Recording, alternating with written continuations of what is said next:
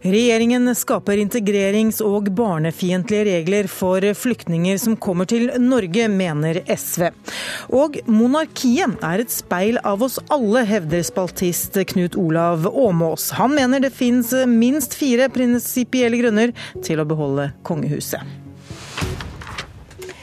Riktig god morgen og velkommen til eh, Politisk kvarter. I forrige uke ble det kjent at regjeringen vil instruere UDI om å vente i fem år før de gir asylsøkere permanent eh, opphold. De vil også at de skal kunne sendes hjem igjen hvis det regnes som trygt i hjemlandet. Og Karin Andersen i SV, dere mener at dette er integrerings- og barnefiendtlig. Hvorfor er det det? Jo, jeg tror og vet at de aller fleste flyktninger som kommer til Norge, de har ikke noe annet ønske enn å komme hjem igjen.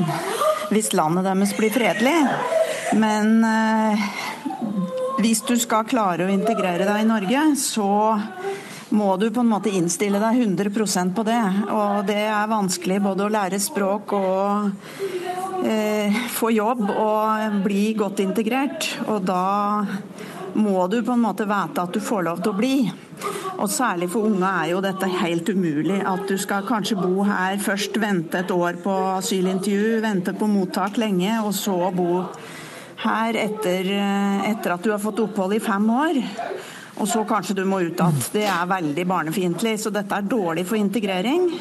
Og det er veldig dårlig eh, ivaretakelse av unger som har opplevd fæle ting. Gøran eh, Kalmyr, statssekretær i Justisdepartementet for Fremskrittspartiet. Hvorfor skal man bruke såpass mye med penger over en såpass lang periode, eh, for så eventuelt sende dem ut igjen etter fem år? Jeg har lyst til å understreke meg at vi står nå i en ganske alvorlig situasjon. Eh, det er altså slik at Vi har en historisk høy asyltilstrømning til Norge. Det er 60 millioner flyktninger rundt omkring i verden. Eh, og Skal Norge kunne gi beskyttelse til dem som kommer, så er vi også nødt til å kunne gi det i den tidsperioden de faktisk trenger en beskyttelse.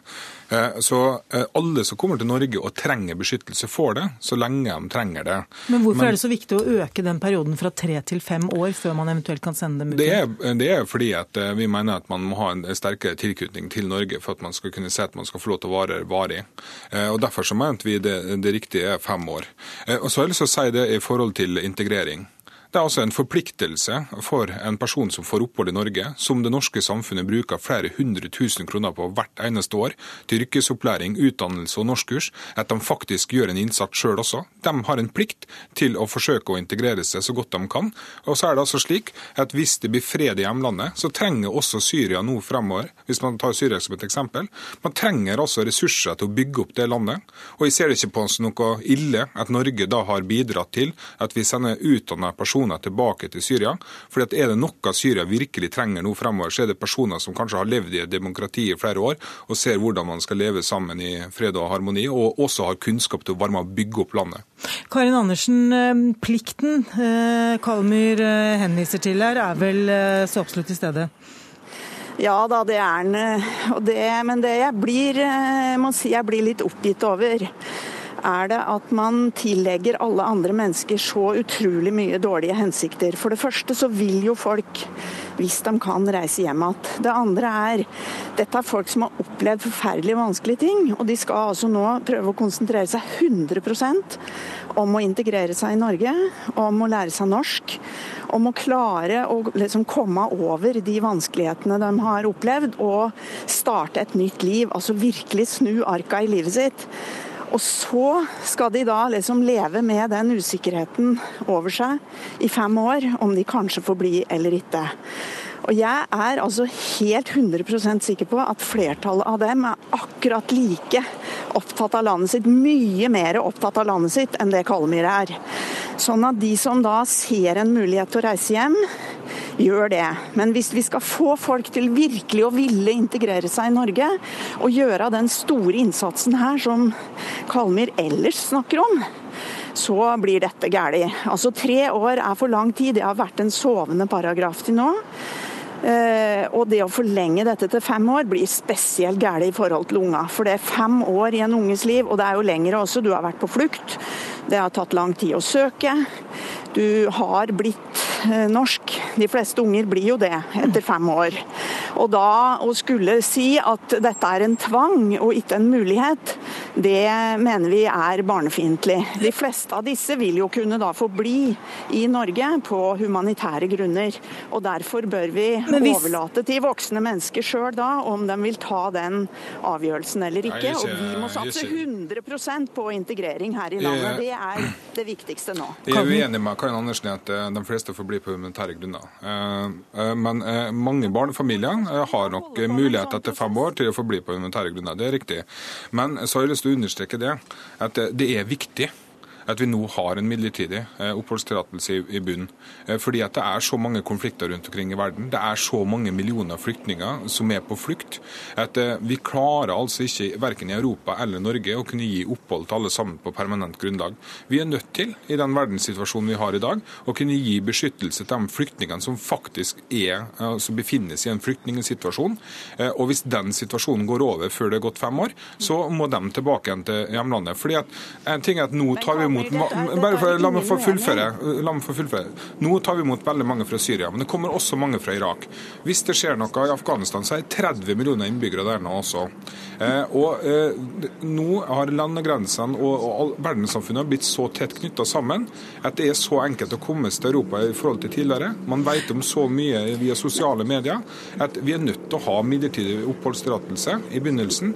Eh, for hvis ikke så vil vi ta imot mange flere flyktninger enn det vi har mulighet til å kunne håndtere håndtere. Nå, nå, må jeg få lov å komme inn her. fordi ja, Poenget er hvordan skal vi sikre at de som kommer hit, og hvorav de fleste nå kommer til å få bli, også etter denne regelen, blir best mulig integrert?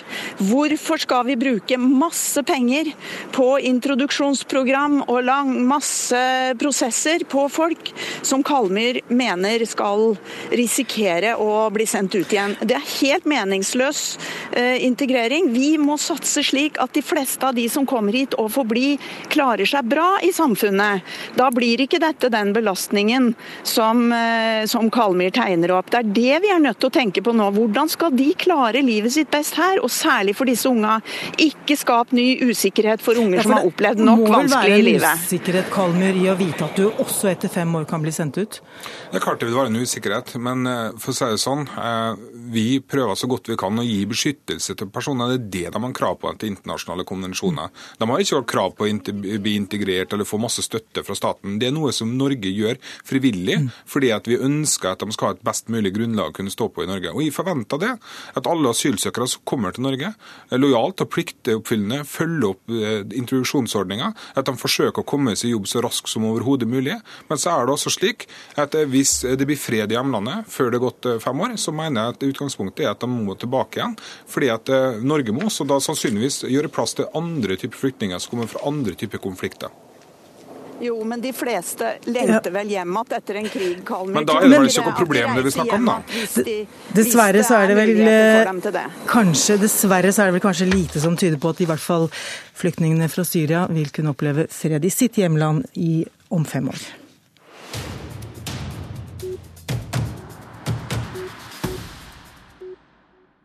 Vi skal til en hjemlig diskusjon. For et moderne samfunn i endring trenger lange linjer og tradisjoner, hevder spaltist Knut Olav Åmås i gårsdagens Aftenposten, der han argumenterer for å beholde monarkiet og det norske kongehuset. Og Knut Olav Åmås, vi har med oss deg her i Politisk kvarter. Du sier du har gått fra å være republikaner republikaner via situasjonsbestemt monarkist til å bli en prinsipiell monarkist. Hva legger du i det?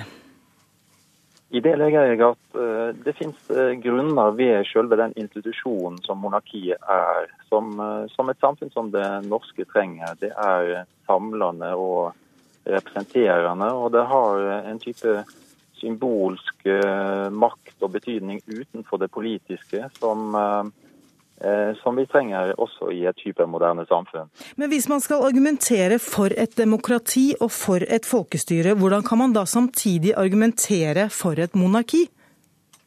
Altså I et moderne samfunn er det, er det mye som ikke er 100 eh, moderne. Eh, et samfunn slik det eksisterer i dag i 2015 er resultat av en lang utvikling Og Det norske monarkiet er jo det eneste folkevalgte monarkiet i verden i dag. Riktignok er det tilbake til 1905, men det er under en slags demokratisk kontroll. Hvert fjerde år tar Stortinget stilling til forslag fra partiet SV om å utrede republikk. og Det blir nedstemt med, med stort flertall. og Meningsmålinger viser også at monarkiet i Norge, slik det er i dag, har svært stor oppslutning.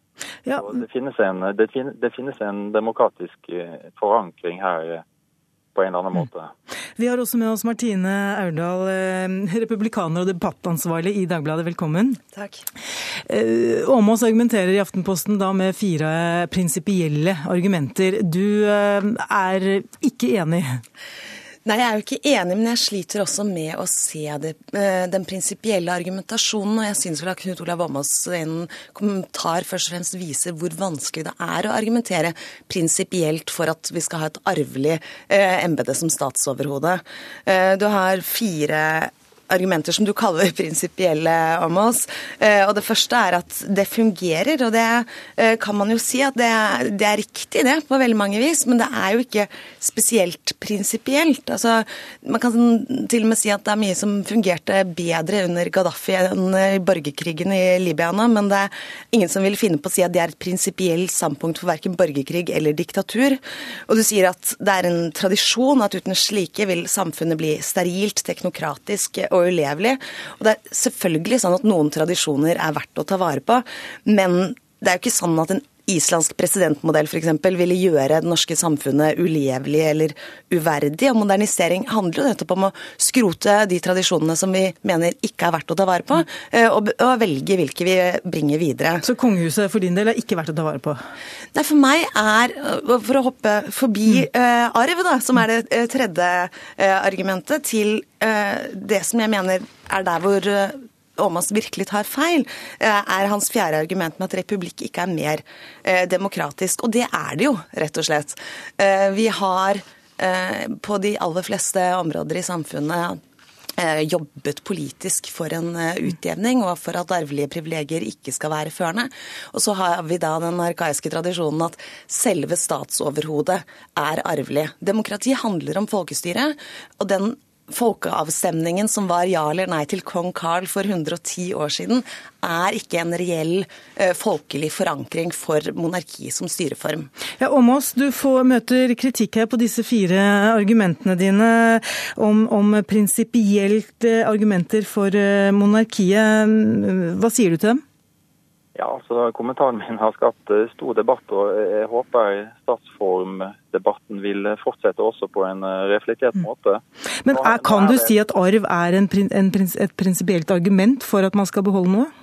Ja, altså Arv er en eh, viktig og bærende institusjon i det norske samfunnet. Og, og, og det element av arv, arv som finnes i, dem, i, monarkiet, er under tilstrekkelig demokratisk kontroll. Vi har et innskrenket konstitusjonelt monarki i Norge. Men for all del, det er jo mulig å tenke seg en ny folkeavstemning. Men det er bare det at eh, både opinionen og eh, avstemningene i Stortinget hvert fjerde år gir ikke akkurat Martine Aurdal og republikanerne sånn veldig eh, vind i seilene. Mm. Det er snakk om ganske lave tall. Altså Stortinget avviser å utrede republikk hvert fjerde år. Og Stortinget er våre folkevalgte. Ja, Aurdal, du har vel ikke opinionen med deg? Nei, jeg tror, eller altså alle meningsmålinger over veldig lang tid viser at det er flertall for monarki i befolkningen. Eh, og spørsmålet er jo da hva er alternativet? Eh, jeg er enig i at det er en god idé eh, med en ny folkeavstemning. Og så er spørsmålet om folkeavstemningen da hva den skal handle om. Eh, og man eh, har jo ulike presidentmodeller også dersom man skulle gå for en republikk. Og det er ingenting i veien for at Norge skulle kunne gå for en eh, modell der presidenten også har en mer symbolsk makt på samme måten som kongen, og kan gjenvelges mange ganger, slik som f.eks. da på Island. Jeg mener jo det vil være virkelig moderne av kronprinsen å gå inn for en slik eh, votering selv. Ja. Åmås, eh, debatten den fortsetter helt sikkert om styringsformen. Takk for at dere begge to kunne være med Politisk kvarter i dag. I studio satt Cecilie Roang Bostad.